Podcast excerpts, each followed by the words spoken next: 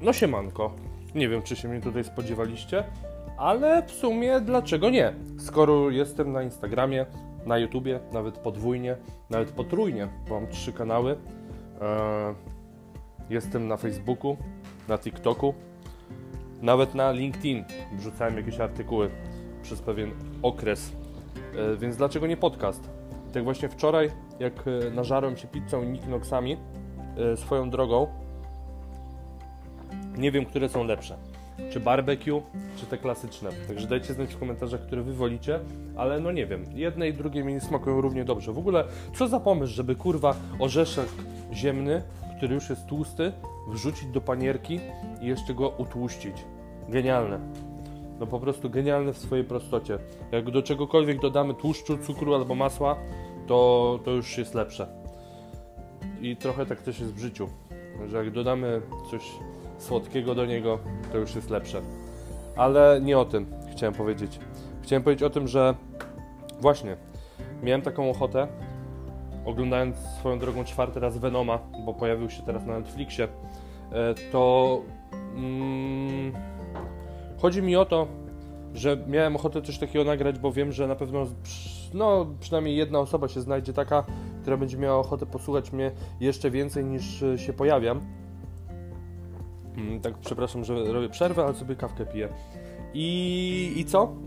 No właśnie, yy, jedyne, do czego, jedyne czego potrzeba przy robieniu kontentu, yy, przy nagrywaniu czegokolwiek, to chęci bo czasu naprawdę niewiele zajmuje. Ja teraz chodzę po mieszkaniu, właśnie zrobiłem kawę, e, zaraz zacznę robić porządki, więc tu możecie słyszeć jakieś trzaski, praski i taki będzie ten podcast. To już wam mogę powiedzieć, że e, dopóki nie będę się tym zajmował zawodowo, a mam nadzieję, że nie będę i zaraz wam powiem dlaczego, no to chcę to zrobić właśnie w ten sposób, taki bardzo, że tak powiem, surowy, bardzo prymitywny, e, bo mam właśnie taką ochotę. Nikogo nie skrzywdzę tym, że nagrywam e, ten podcast.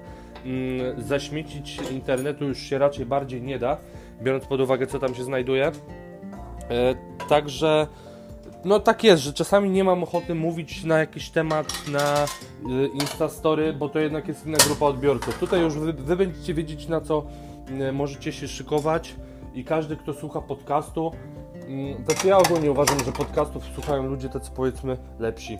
E, oczywiście, no nie, nie, nie chcę nikogo obrażać, no ale wiecie o co mi chodzi, że jednak podcasty to jest trochę co innego. To jest dla mnie e, osobiście, nie wiem dlaczego tak uważam w sumie, ale uważam, że to jest taka.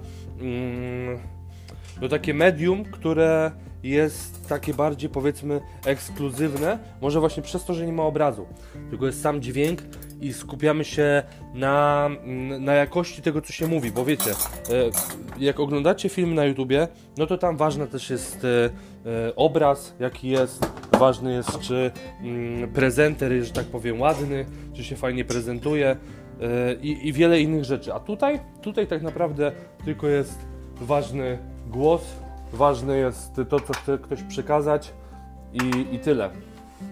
I właśnie, niewiele potrzeba tak naprawdę, bo tak jak powiedziałem, czasu to mało zajmuje, a jeżeli chodzi o sprzęt yy, i możliwości, no to również. Ja specjalnie ten podcast nagrywam po pierwsze na darmowej aplikacji, która nazywa się Anchor, yy, tak to się chyba czyta, to jest, się pisze Anchor. Ona jest już z tego co wiem wbudowana na iPhone'a, bo nie pamiętam, żebym ją instalował. A jeżeli nie jest, no to można ją zainstalować, to nie ma problemu. No i z tej aplikacji możecie udostępniać od razu ten podcast na Spotify'u, na iTunesie, także naprawdę jest mega spoko. A jeżeli chodzi o sprzęt, którym nagrywam, no to okazało się, że mm, słuchawki bezprzewodowe, które mam, y, mają jakiś 100 razy gorszy mikrofon niż słuchawki, które się dostaje w zestawie do iPhone'a. E, także jest to zwykły zestaw, że tak powiem, głośno mówiący, czy tam, nie wiem jak to się czyta, no zestaw słuchawkowy, który jest w zestawie z iPhone'em i, i darmowa aplikacja. Więc widzicie, niewiele trzeba. I to jest coś, co wielu twórców chyba zapomina o tym, znaczy, wiadomo, tutaj też trzeba podzielić content na taki, który jest powiedzmy merytoryczny, na rozrywkowy, no bo tak jest wszędzie, tak jak jest z muzyką chociażby, tak jest z filmem, że są filmy, które oglądamy typowo dla rozrywki, na przykład większość filmów akcji, no tam to nie są filmy, które, że tak powiem, zapamiętamy, w których jakoś fabuła jest istotna, no przykładowo taki John Wick. No ja pamiętam z tego filmu, że jest e, John Wick, i, i on jest madafaka, nie? I, i, i wszystkich e, rozkurwia i każdy się go boi. E, I jest dużo akcji i jest, e, no jest fajny ten film. Ale no nic on więcej nie wnosi do mojego życia. A były filmy, które no niekoniecznie się jakoś ogląda bardzo prosto, czasami się nawet dłużą, ale mają duży bardzo przekaz. I pierwszy film, który mi przychodzi do głowy, taki to Skazanie na Shawshank E, który jest dla mnie no, genialnym filmem i na pewno jednym z lepszych, jakie w ogóle widziałem w życiu. Jak ktoś jeszcze nie widział, to polecam, bo ja sam go dopiero obejrzałem o, nie wiem, ze 3 lata temu chyba, bo no, to jest jednak na tyle film poważny, że cieszę się, że nie oglądałem go za mało lata, bo pewnie mało bym zrozumiał z niego. E, ale no właśnie, i, i tak samo jest z kontentem, że możecie mieć piękny obraz, możecie mieć piękny dźwięk, wy możecie być piękni, na to co przedstawiacie, no to już e, no nie jest piękne. Często to nawet jest po prostu głównym. E, więc ważne jest to, co chcecie przekazać. Dlatego nie przejmujcie się, jeżeli nie, nie macie kasy na sprzęt, bo to się pojawi. To jakby, jak będziecie robić fajne materiały, to wszystko, na wszystko przyjdzie czas i wszystko się, mm, wszystko się ułoży. Tylko, że są z tym też związane problemy. Właśnie o tym chciałem powiedzieć, że e, dlatego nie, nie chcę traktować tego podcastu zawodowo, bo w momencie, gdy pojawia się właśnie pojawia się pieniądz, pojawiają się takie rzeczy, to po części znika zajawka. Ciężko to połączyć w pewnym momencie, dlatego że jeżeli wiecie, że od czegoś zależy to, czy będziecie mieć na chleb, czy nie, no to już będziecie się, no mimo wszystko, czy bezpośrednio, czy pośrednio, czy świadomie, czy nieświadomie, będziecie się starać na tym zarobić. I tak jest trochę teraz z moim kanałem na YouTubie. W sensie ja dalej staram się umieszczyć oczywiście merytoryczne treści i tak dalej, ale przykładowo niektóre tematy omijam, bo wiem, że spotkają się z bardzo małym zainteresowaniem. I po prostu wolę nagrać coś, co będzie miało więcej wyświetleń, coś, co mi przyniesie powiedzmy większy zysk, niż e, coś, co na przykład bym chciał w danym momencie nagrać, bo to też czasami tak jest. A pamiętam, że na początku, jak e, stworzyłem kanał na YouTubie, no to to była taka czysta zajawka. Ja się nie zastanawiałem ani nad tytułami, że były chwytliwe, e, ani nad miniaturkami, tylko po prostu robiłem zrzut ekranu z, jakiegoś, z jakiejś klatki z filmu i wrzucałem w wtedy, mm, nie pamiętam, w Pikasie chyba taki program był do obróbki zdjęć. To wrzucałem tam jakiś tekst i to wrzucałem na miniaturkę. E, I trochę mi tego brakuje i dla mnie to, mm, znaczy kurczę, nie chcę mówić, że tego mi też brakuje, bo, bo za, zawsze ktoś teraz może powiedzieć, że dlaczego do tego nie wrócę. Ale no właśnie dlatego, dlatego nie wrócę, bo no teraz mam średnio powiedzmy 15 tysięcy wyświetleń pod materiałami, wtedy miałem dużo, dużo mniej. Eee, no. I mówię, dlatego właśnie fajnie jak jest taka zajawka. I dla mnie podcast to jest mega zajawka. Tak jak właśnie nagrywam z chłopakami Fit na Wesoło, co jest zupełnie odrębnym bytem, jakby dalej będzie, dalej będziemy nagrywać. Tylko no po pierwsze to jest raz, że z chłopakami, a dwa, że jednak to jest e, Fit na Wesoło, czyli raz, że jesteśmy ograniczeni do tego, że ma być na wesoło, a dwa, że ma być to ograniczone do tematów fit. A no mnie takie no w sensie urzekają mnie, ale powiedzmy, że są tematy, o których bardzo chętniej, bardziej chętnie mówię i z większymi emocjami. I tu na przykład właśnie takim tematem jest to, żeby nie żyć tak, jak inni by chcieli, żebyśmy żyli, tylko tak, jakbyśmy my chcieli żyć. Bo życie mamy jedno i trzeba to po prostu wykorzystać. Bo jak będziemy wszystko robić pod, nie wiem, pod dyktando, czy to publiki, czy to rodziców, partnerki, partnera, nauczycielki, kogokolwiek, to w pewnym momencie obudzimy się nie wiem, w wieku 30, 40, czasami 50 czy nawet 70 lat.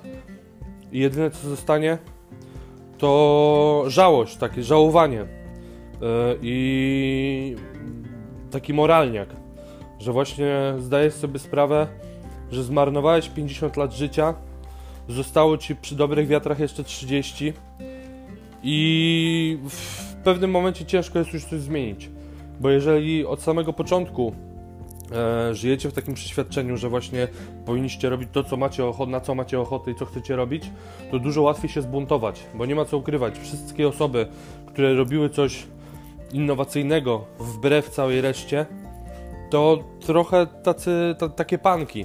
To jest trochę taka anarchia, walka z systemem, że buntujecie się, nie chcecie robić czegoś, co mówią wam inni, tylko chcecie robić to, co wy uważacie, że będzie fajne. Eee, I, I, właśnie dlatego mówię, będę ten podcast nagrywał, nie wiem nawet ile czasu, może skończy się to na dwóch odcinkach, może na trzech, może będę wrzucał raz na dwa tygodnie, może częściej. Nie mam totalnie pojęcia i mało mnie to interesuje tak naprawdę, bo, bo mówię, chcę to robić z takiej czystej zajawki, że jak będę miał coś do powiedzenia, to to po prostu będę mówił. A jak nie będę miał nic do powiedzenia, no to albo sobie tak popierdolę 3 po 3 e, i powiem może coś śmiesznego, albo nie. Eee, co chciałem tu jeszcze powiedzieć?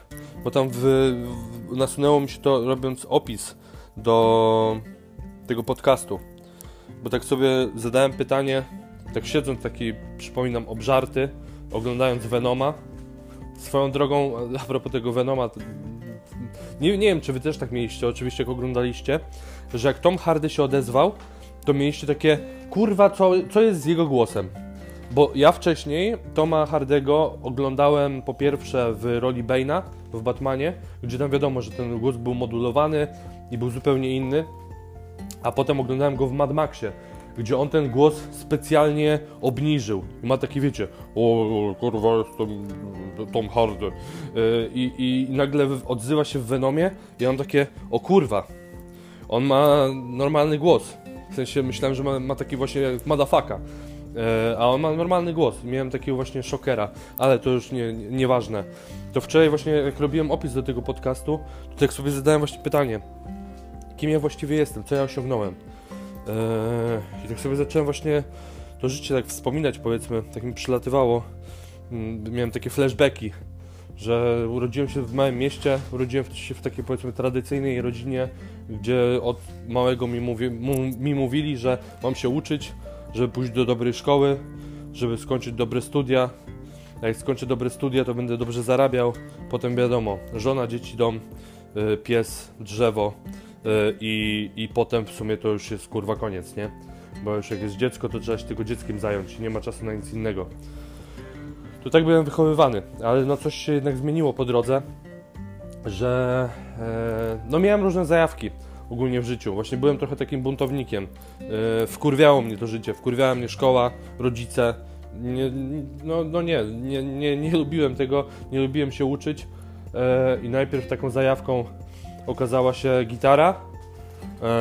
Yy, i, I tą gitarą się zajarałem po obejrzeniu filmu Tenacious D, The Peak of Destiny. Ja wtedy słuchałem dużo.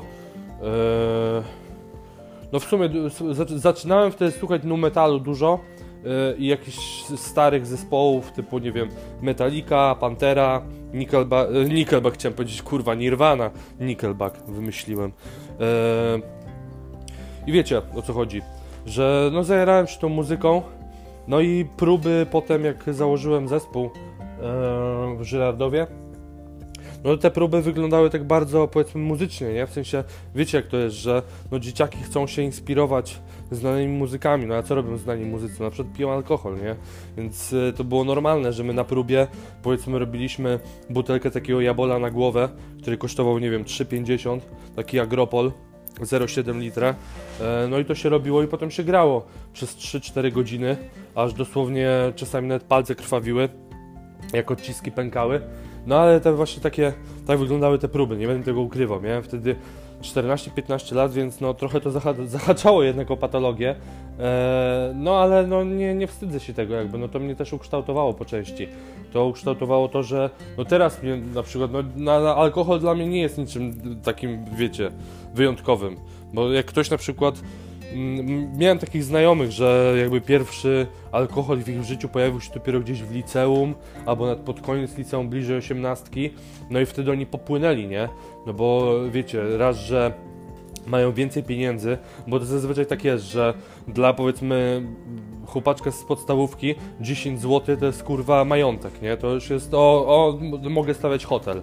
Eee, wiecie. E, ja pamiętam, że kiedyś ojciec do domu tam sprzedał samochód i przyniósł tam paręnaście tysięcy złotych, to miałem taki, o kurwa, ale on jest bogaty, nie? No, no milioner, mamy, jesteśmy po prostu ustawieni do końca życia. E, to, to potem z roku na rok jakby te 10 zł ma coraz mniejszą wartość. No i właśnie o to tu chodzi, że jeżeli ktoś ma 18-19 lat, zaczyna na przykład już pracować, zarabiać, to dla niego to wydanie, nie wiem, 30 zł na alkohol, no to jest, to jest mało. E, I, I, jakby dużo łatwiej też go zdobyć, no bo to wiadomo, po prostu idzie do sklepu, ewentualnie pokaże dowód i na tym się kończy.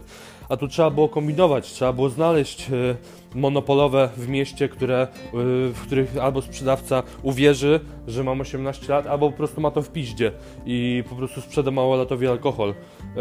Co też, no nie, nie, nie chcę mówić, czy to jest dobre, czy złe, ale no, no niemniej jednak, trzeba było bardziej kombinować, trzeba było bardziej się z tym ukrywać. E, i to było bardziej takie, wiecie, anarchia. Bardziej to było takie buntownicze, bo nie ma nic buntowniczego w tym, żeby kupić kurwa legalnie alkohol i się go napić. Jeszcze w domu, a nie w publicznym miejscu. Więc to nie jest taka zajawka wtedy. Także mówię, to, tak wyglądało to. Potem e, zacząłem e, tańczyć hip-hop. Mm, I to było tak, że ja byłem mega zajarany ogólnie tańcem, zwłaszcza po obejrzeniu filmu Step Up z Szczajnikiem Tatumem. E, no me mega miałem zajawkę na to, tylko właśnie najbliższa szkoła tańca, taka powiedzmy poważna, to była jego rola Dance Studio w Warszawie, gdzie ja do Warszawy miałem pociągiem po pierwsze 40 minut, potem jeszcze musiałbym dojechać do tej szkoły, po drugie to wiadomo, że jeszcze koszty. E, no nie, no zrezygnowałem. No jak się dowiedziałem, że otwierają szkołę tańca u mnie w Żyrardowie, to byłem mega podjarany. Od razu poszedłem na dzień otwarty, od razu się tam zapisałem i byłem do samego końca. W sensie, aż zamknęli szkołę, to chodziłem na zajęcia. I to nie, nawet nie wiem ile czasu to było, chyba ze dwa lata, może trzy, nie wiem. Ale no, tańc był takim kolejnym moim, powiedzmy, konikiem, który mnie jarał. Na gitarze już wtedy prawie w ogóle nie grałem.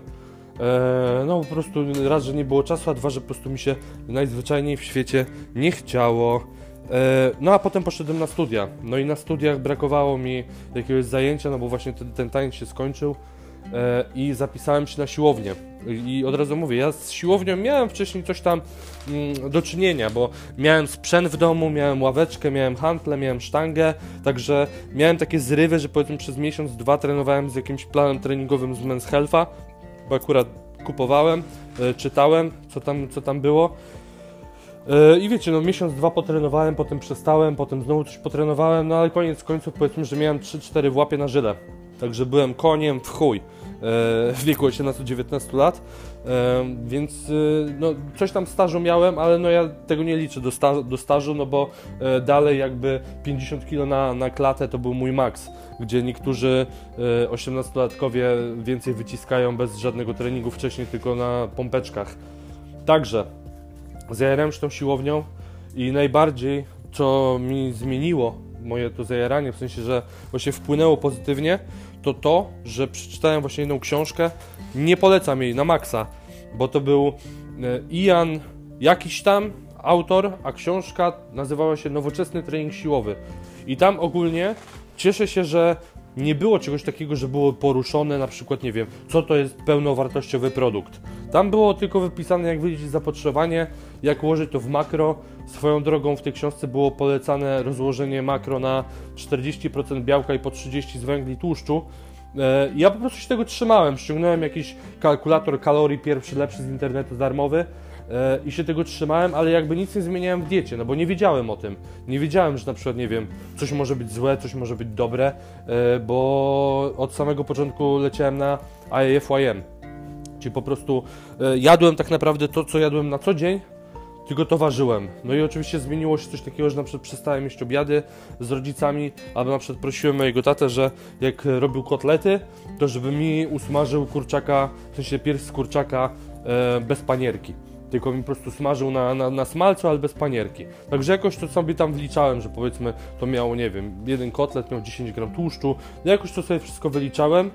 No i pamiętam, że udało mi się zrzucić wtedy 10 kg w 3 miesiące i byłem mega zajarany, że o kurwa, ale mam wpływ na swoje ciało, ale mam wpływ w ogóle na swoje życie, e, chcę więcej, nie? I, I, uczyłem się coraz więcej, prowadziłem dziennik w tle, e, cały czas poszerzałem tą wiedzę Oczywiście wszystko brałem z internetu, bo no nie miałem siana też szkoda mi było kasy, jestem mega oszczędny e, co do zasady.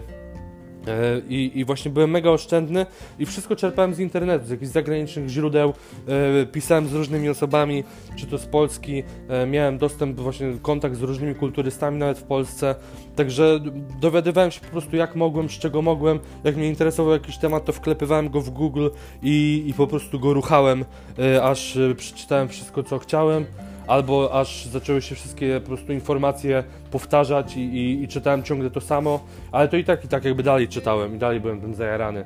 Mm, I tak wyglądała moja nauka i wraz z tą nauką właśnie pojawiła się wiedza, pojawiły się lepsze efekty na siłowni, bo coraz lepsze miałem treningi, e, bo początkowo moje plany treningowe to były naprawdę no, gówno totalne. E, no i też jakby zajarałem się po prostu samym treningiem, samym, samym faktem, że idę na siłownię. Tego mi trochę brakuje, że na takiej siłowni piwniczej, yy, wiecie o co chodzi, jak ktoś trenuje, to tam się wszystkich zna, tam się wchodzi, wita się z każdym yy, i po roku tak naprawdę połowy osób już się zna z imienia czy z ksywy, E, można robić wspólne treningi, można się motywować, można się gonić wzajemnie i, i to mnie motywowało, że wiecie, dla mnie żadnym wynikiem było to, że ja na przykład wyciskam 80 e, kg na klatę, czy 100 kg na klatę nawet, jak przyszedł taki kurwa Seba, i tu dosłownie, bo gość ma na imię Sebastian, naprawdę. I przyszedł i, i wypierdolił 200 kg w poniedziałek, nie? Ja miałem takie wow, chcę być tak silny. I ja wtedy w ogóle nawet nie brałem pod uwagę, pod uwagę że istnieje coś takiego jak sterydy. Ja nawet nie wiedziałem o tym serio, w sensie jakoś, no, nie wiem, no po prostu o tym nie myślałem. Czy wiedziałem, że istnieją, nie, nie to, że nie wiedziałem, tylko nie zastanawiałem się, czy ktoś jest, czy ktoś nie jest, yy, czy bierze, czy nie bierze, yy, tylko po prostu, nie wiem, widziałem takie sylwetki typu Arnold Schwarzenegger, yy, Luferinho i, i, i, i tak dalej. I po prostu chciałem tak wyglądać. I jakby nie, uznawałem, że ciężki trening i dieta wystarczą. No, oczywiście się myliłem, ale na dobre mi to wyszło, bo przez to nie miałem takich głupich granic, które mam teraz na przykład i z którymi będę walczył, jak teraz wrócę na siłownię, że ja przez ostatnie na przykład 3 lata żyłem w przekonaniu, że ja praktycznie już nic więcej nie zbuduję, i po chuj to ćwiczyć, po chuj się w ogóle starać, jak i tak będę taki sam pewnie za, za kolejne 3 lata. I właśnie przez to, że za dużo mam wiedzy, i to mnie to ogranicza tak naprawdę. Mi to nie pomaga w tym momencie.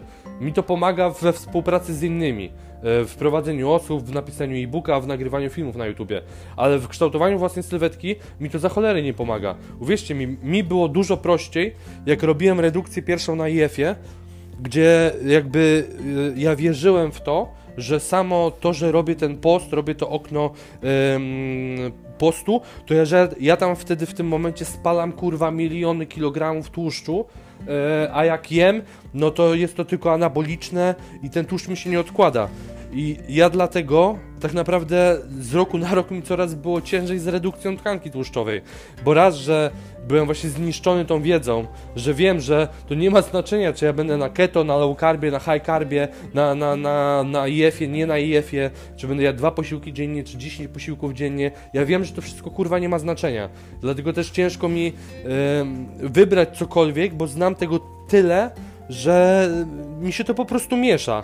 Dlatego też jest problem w tym. No i oczywiście problemem też było to, że miałem zaburzenia odżywiania przez parę lat i to też zniszczyło moje podejście do jedzenia. Kolejny powód, dlaczego mam problem z redukcją jest to, że mam pieniądze i wiecie, powiedzmy, że normalny człowiek by się może, w sensie normalny, no, chodzi mi o to, że gdybym pracował powiedzmy w żabce, no to raczej bym nie mógł sobie pozwolić, nie wiem, żeby zamawiać pizzę codziennie i żeby wydawać, nie wiem, 100 czy 200 zł na jedzenie codziennie. W tym momencie jakby nie miałbym z tym żadnego problemu, jakbym miał ochotę, yy, stać mnie na to, więc jakby się nad tym nie zastanawiam. Jak byłem małolatem, no to nie było takiej opcji, żebym chodził na pizzę, nie wiem, nawet raz w tygodniu, bo bym nie miał tyle kasy, bym się wypłukał po prostu z tego, co miałem, bo też nie zarabiałem. E, dlatego też mi dużo łatwiej było trzymać tą dietę. I tak samo to, że mieszkałem z rodzicami e, w małym mieście, to też mało knajp było dostępnych yy, i no, no, po prostu nie jadło się na mieście. No, ja nie jestem z domu, w którym na przykład zamawialiśmy cokolwiek, tam nie wiem, właśnie może raz na dwa czy trzy miesiące zamówiliśmy pizzę i to był maks A w momencie, gdy się wyprowadziłem do Warszawy, gdy właśnie zaczęło mi na to wszystko stać, no to rzuciłem się na to, nie? Bo to dla mnie było jak nagroda.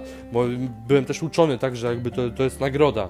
Że nie wiem, jak e, miałem świadectwo z czerwonym paskiem, to mnie ojciec zabierał na lody i, i jadłem czy 3 czy 4 gałki. Eee, Także to wszystko ma wpływ na to. To nie jest takie proste, jakby się mogło wydawać. Ale niemniej jednak, mówię, właśnie będę walczył z tymi e, granicami, które sam sobie postawiłem, ze wszystkim tak naprawdę, bo to nie chodzi tylko o sylwetkę, bo to, to od tego się zaczyna. Zaczyna się od tego, że nie wierzysz w to, że schudniesz, a kończy się na tym, że nie wierzysz w to, że w ogóle życie może się potoczyć tak jak chcesz i że możesz być szczęśliwy. E, bo to do, do tego wszystko prowadzi że z jednego przechodzimy do drugiego i tak samo jest w drugą stronę, że jeżeli wiemy, że mamy na przykład wpływ na to, jak wyglądamy, to się pojawia pewność siebie, pojawia się właśnie coś takiego, ok, super, zajebiście, udało mi się schudnąć, co jeszcze może mi się udać? Może uda mi się, kurwa, dostać awans, nie? Albo podwyżka, albo zmienię pracę. Yy, I, I to, że wszystko się samo napędza. Dlatego ja w tym momencie jestem dużo mniej zmotywowany i mam dużo gorsze podejście do tego wszystkiego tak naprawdę niż 4 lata temu, jak zaczynałem właśnie przez wszystkie tak naprawdę dobre rzeczy, które mi się przydarzyły, nie złe, bo właśnie te złe rzeczy mnie napędzały wcześniej. E, I, i, I, strach przed tym, o tym też mówiłem w, w podcaście e, na kanale Bimor, że strach jest to jednocześnie emocja, która nas mega napędza, bo strach przed czymś jest, no, jest po prostu w chuj motywujący, że co by się nie działo, to my jakby zrobimy to, bo się tak boimy porażki, yy, że koniec. A w momencie, gdy nie ma tego strachu, to ciężej się zmotywować. Ta motywacja będzie dużo wiarygodniejsza, dużo bardziej wartościowa, ale będzie mniejsza po prostu, bo wiecie, w momencie, gdy yy, no przykładowo, ktoś ma odłożone, nie wiem, 100 tysięcy złotych albo nawet 500 tysięcy złotych, to skąd on ma brać motywację do pracy? On jakby żyje w przekonaniu, że nawet jak nie zarobi przez najbliższy rok, to i tak i tak ma kurwa pieniądze, nie? I jakby te pieniądze się skończą nie wiadomo nawet kiedy. Eee, dlatego mówię, no będę z tym walczył teraz po, mm, po tej epidemii, bo miałem czas po prostu na, na takie przemyślenia i sama w ogóle przerwa od siłowni spowodowała, że jestem strasznie napalony na tą siłownię. Ale tak pozytywnie, nie to, że rzucę się na, na, na trening i będę ćwiczył po 3 godziny jak debil, e, tylko zupełnie mam inne podejście do tego, że po pierwsze nie będę wykonywał treningów tylko po to, żeby lepiej wyglądać, ale treningi będą dla mnie czymś, czym były dla mnie kiedyś. I teraz muszę zrobić przerwę, muszę się napić kawy. I wiecie, i właśnie kiedyś te treningi, ja nie traktowałem tego tylko przez pryzmat tego, że ok, jak będę więcej wyciskał, to będę silniejszy, będę większy. Tylko to dla mnie było takie wyzwanie życia. Ja też sobie robiłem takie treningi co jakiś czas, że one totalnie nie miały sensu, ale miały tylko, w sensie totalnie nie miały sensu w, w kontekście kształtowania sylwetki, ale miały ogromny sens dla psychiki. Dlatego, że ja wchodząc na trening, nie myślałem o tym, czy ten trening ma sens, czy to jest głupie, czy, czy będę miał kontuzję. Ja myślałem tylko o tym, żeby przebić swoją granicę, żeby doprowadzić się do takiego dyskomfortu, żeby go przebić i jeszcze pójść kurwa krok dalej. I właśnie do tego teraz chcę wrócić, że ja nie będę miał tych treningów, w sensie ogólnie mam jakiś plan, ale często będę też robił treningi bez sensu totalnie, właśnie po to, żeby się tak zajechać. Kiedyś na przykład zrobiłem sobie taki trening, pamiętam, że dosłownie popłakałem się na siłowni, rozumiecie to? Bo byłem tak zmęczony psychicznie, nawet nie tylko fizycznie, tylko psychicznie byłem tak zmęczony tym treningiem, że już miałem dość, ale jakby miałem plan tego treningu i wiedziałem, że muszę go dokończyć i zrobić to do końca, co by się kurwa nie działo. E, I pamiętam, że ten trening, ja, to nazwałem trening 300, bo chodziło o zrobienie 300 powtórzeń na klatę i to było 3 ćwiczenia, 10 serii po 10 powtórzeń. Było to najpierw 10 serii po 10 powtórzeń na ławce płaskiej, potem 10 serii po 10 powtórzeń na ławce ze skosem dodatnim, a potem 10 serii po 10 powtórzeń na pompki na poręczach. Także jak, jak ktoś próbował czegoś podobnego nawet, to wie, jaki to jest zajazd. I w ogóle robienie 10 serii jednego ćwiczenia jest męczące, a tu miałem 3 takie ćwiczenia. Także to jest właśnie mój cel, jak wrócę, że po pierwsze, oczywiście trenować tak, żeby mieć efekty, ale przede wszystkim nie skupiać się na wynikach stricte, tylko skupiać się na treningu jako metaforze życia. I, I mówię tutaj całkiem poważnie, że dla mnie przez wiele lat trening i dieta to była metafora życia, że skoro będę, jak, że jak będę zdyscyplinowany, to dojdę koniec końców do celu, jakim jest coś tam. I tak samo chociażby w związku, że mnie siłownie nauczyła tego, że jeżeli coś jest nie tak, to nie, nie odstawiamy tego na bok i jakby nie olewamy tego, nie rezygnujemy, tylko robimy kurwa wszystko, żeby osiągnąć cel. Oczywiście to też ma swoje wady, chociażby właśnie w życiu prywatnym, bo czasami nie da się czegoś zrobić i jedyny sposób to jest odpuścić, ale to, to jest wszystko przez to, że tu jest jakby, to jest zależne od drugiej osoby, ale jeżeli wszystko jest zależne od nas, to serio, jakby dopóki nie osiągniemy jakiegoś celu, to nie powinniśmy rezygnować, bo równie dobrze moglibyśmy nawet nie zaczynać, bo skoro już zaczęliśmy, to powinniśmy to skończyć. I do tego też Was namawiam, żebyście nie patrzyli na trening czy dietę tylko przez pryzmat tego, jak będziecie wyglądać, bo serio, uwierzcie mi, że po kurwa po 8 latach stażu ten wygląd schodzi na tak dalszy plan, że to już nawet przestaje być satysfakcjonujące. No przynajmniej ja tak mam. Dla mnie to już nie byłoby jakaś satysfakcja duża, że nie wiem, wycisnąłem powiedzmy 180 na klatę. Oczywiście jarałbym się tym, tylko że sam proces dochodzenia do tego i właśnie skupienie się na tym procesie jest dużo bardziej wartościowe. Dlatego właśnie trzeba mieć zawsze jakiś cel postawiony, żeby móc do niego dążyć powoli i stawiać coraz dalej granice, bo tak się właśnie uczymy i o to chodzi w tym, że musimy poczuć dyskomfort, że yy, musimy być, w, w, że musimy opuścić strefę komfortu. Właśnie o to w tym chodzi, że opuszczając tą strefę komfortu, stawiamy sobie granice coraz dalej i coraz więcej możemy osiągnąć. I tu przykładowo nie wiem, dla kogoś strefą komfortu może być, nie wiem, przebiegnięcie 10 km, ale jak już się przebiegnie, to to przestaje być strefa komfortu, tylko jest już dalej postawiona, że na przykład teraz to będzie 15 km, potem 20, potem 30, 40 i aż w końcu ktoś przebiega maraton. I no ludzie nie zaczynają od maratonu zazwyczaj, tylko to jest cel dalekosiężny, a zaczynają od tego, żeby, nie wiem, przebyć 3 km bez zadyszki. I właśnie o to, o, to, o to tutaj chodzi w treningach, w diecie, we wszystkim co robimy, że nie, nie skupiać się na wyniku. I ja tym wynikiem byłem właśnie, mówię, przez parę lat dobrych nawet yy, oszołomiony wręcz i myślałem właśnie o wyniku, a nie o procesie, że ten proces mi nie wychodził przez to bo on jest odległy, w sensie cel jest odległy, proces jest właśnie teraźniejszy i łatwiej się skupić na tym, co jest teraz, niż na tym, co będzie za 3 miesiące. Bo wiecie, ja wam mogę teraz powiedzieć na przykład, że słuchaj, e, właśnie mogę przedstawić to dwa scenariusze, mogę przedstawić scenariusz, w którym wam powiem, ok, jeżeli teraz będziesz regularnie trenował i będziesz trzymał michę, to za 4 miesiące będziesz miał sześciopak. Słabo to brzmi i wiele osób się zdemotywuje 100 razy, zanim to osiągnie. Ale jak powiem, słuchaj, jak dzisiaj będziesz, jak dzisiaj zrobisz trening i dzisiaj utrzymasz tą michę, to wieczorem będziesz w chuj z siebie dumny i będziesz w chuj zadowolony i na tym się skup. I na tym się skupię każdego jebanego dnia, aż osiągniesz ten cel. Właśnie o to tutaj chodzi. I mówię, to jest coś, na czym ja będę pracował.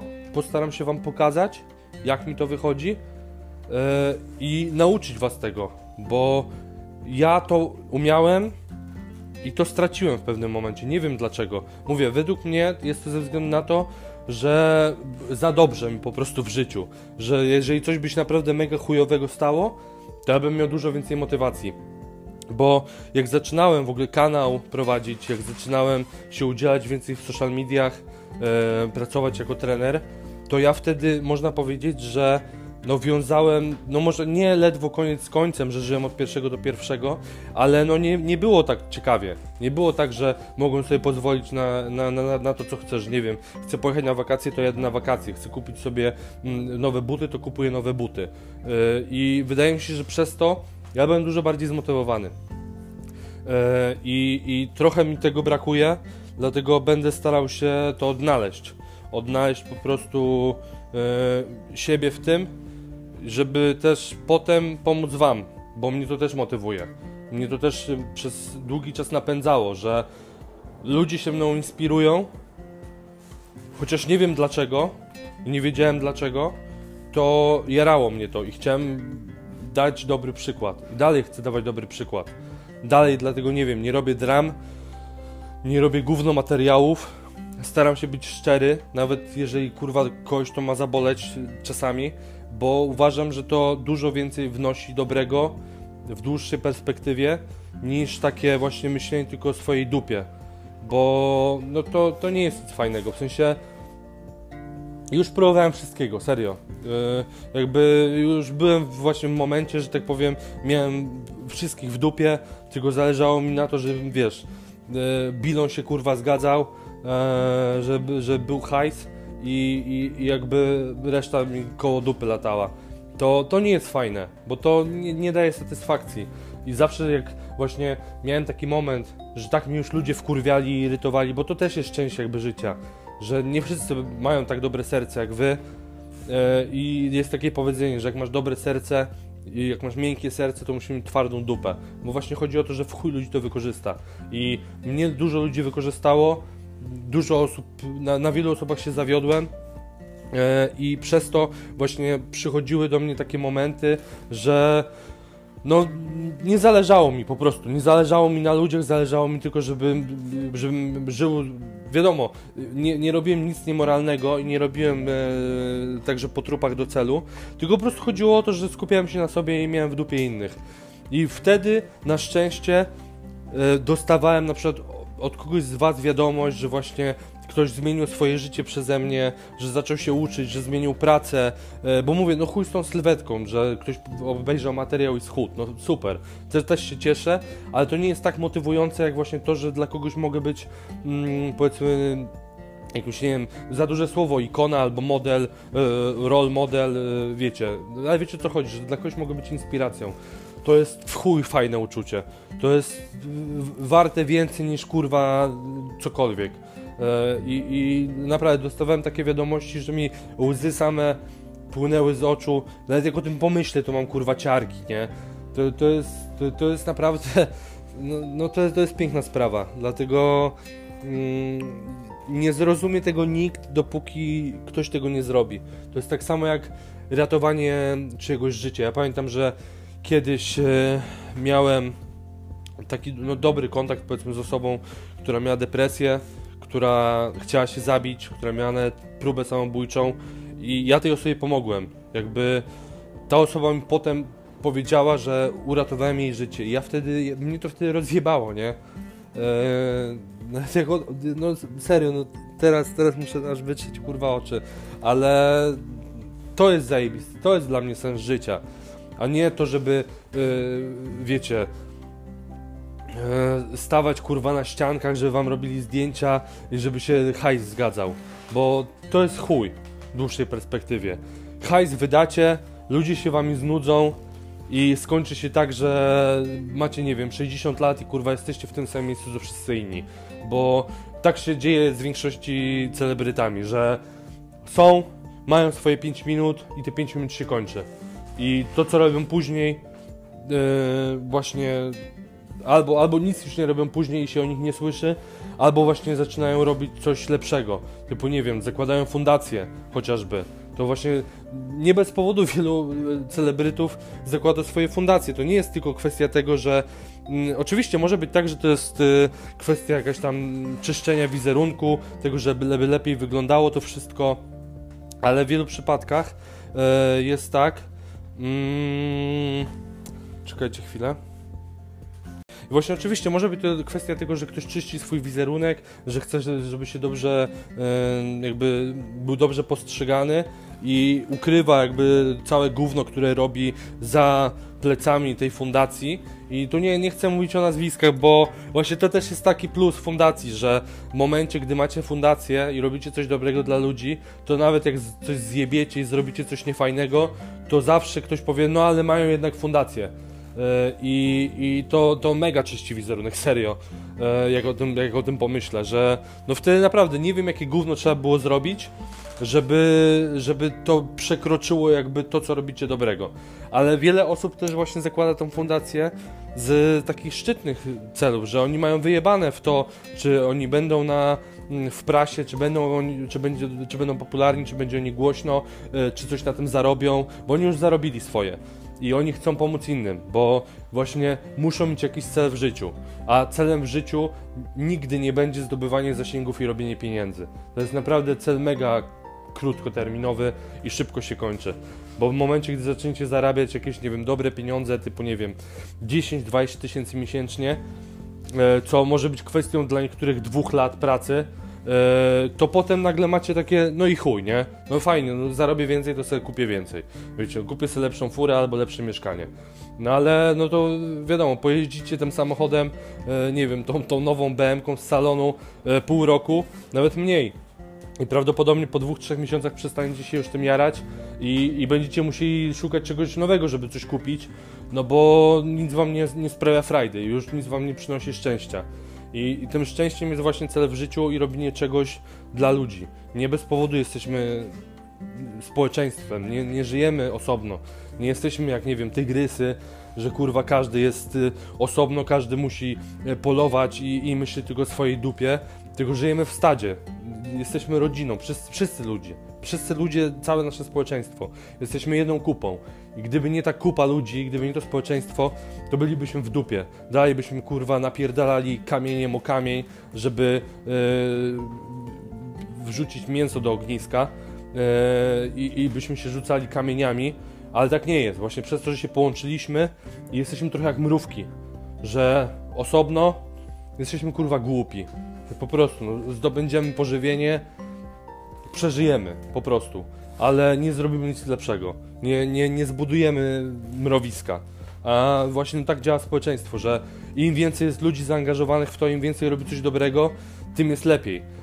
I, to też pokazują duże państwa, że tam to nie jest kwestia tego, że oni akurat tam się urodzili, tylko to jest kwestia wielu lat tego, jak inni obywatele się zachowywali, jak całe społeczeństwo się zachowywało wobec tego kraju. Wiecie, no chociażby Stany Zjednoczone nie byłyby potęgą, gdyby nie to, że większość największych firm jest kurwa w Stanach Zjednoczonych. I to się samo napędza, że są inni, to dają przykład innym, zatrudniają inne osoby, te osoby potem robią coś swojego i tak dalej, i tak dalej. E, I przez to, że właśnie na przykład Ameryka to jest powiedzmy takie, powiedzmy taki wolny kraj, e, wiecie, amerykański sen, to właśnie przez to, że tam były takie możliwości wcześniej niż w innych krajach i mieli po prostu tam łatwiej, mieli tam lepiej, no to teraz do tego doszli. No tylko wiadomo, że teraz może być już inaczej i jak widać, no Ameryka nie jest taką potęgą, jaką była 20 czy 30 lat temu.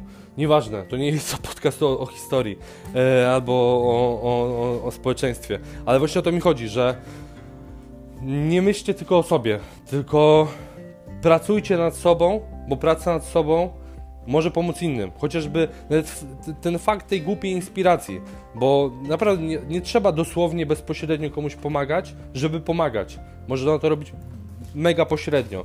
Można to robić właśnie w ten sposób, że Wam się uda, podzielicie się z tym kimś, ewentualnie właśnie, no, no, koniec końców, może komuś pomożecie, jak będziecie chcieli, ale sam fakt, że będziecie, to już będzie dawał ludziom kopa. Bo nawet jak pomyślę o, nie wiem, swoich inspiracjach, które ja mam, to ci ludzie nawet nie wiedzą kurwa o moim istnieniu, ale to jest dla mnie nieważne, bo samo to, że ja widzę co oni robią, widzę ten proces, e, który za tym idzie i mnie to motywuje. E, mnie to napędza, że wiem, że okej, okay, mogę zrobić więcej, e, jakby moje marzenia mogą się spełnić, bo jeżeli ktoś inny się, jeżeli ktoś inny spełnia marzenia, to daje nam pozwolenie do tego samego, że możemy zrobić to samo. No, także tego. E, mam nadzieję, że ten odcinek komuś pomógł, że fajnie się tego słuchało, bo ja właśnie wyczerpałem swój temat. No ja mam tak, że jak wpadam w gadkę, to gadam, gadam, gadam, gadam, nagle mi urywa temat, że nie mam następnej myśli. I w momencie, gdy nie mam następnej myśli, to kończę materiał. I tak właśnie będę się starał nagrywać ten podcast i mówię, no mam nadzieję, że Wam się podobało. Jeżeli udostępnicie ten materiał dalej, to będę mega wdzięczny. E, z tego co wiem, to znajdziecie go na różnych platformach. E, nie wiem teraz dokładnie na jakich, na pewno jest na Spotify, e, pewnie będzie zaraz na iTunes i pewnie też na innych właśnie platformach, to po prostu musicie sobie zobaczyć. Ja też e, ogarnę to i, i w następnym odcinku o tym powiem ewentualnie. Także klasycznie to by było tyle na dzisiaj. Życzę Wam miłego dnia czy spokojnego wieczoru, w zależności od tego, kiedy tego słuchacie. I przede wszystkim wszystkiego dobrego. E, bo najlepszego Wam nie życzę i nigdy nie życzę najlepszego, bo nikt według mnie nie zasługuje na najlepsze. E, bo, bo jakby wiecie o co chodzi, że jakby każdy zasługiwał na najlepsze, to jakie to było kurwa najlepsze, każdy to ma. A dobre może mieć każdy. Więc życzę Wam wszystkiego dobrego. Siemano. Thank you.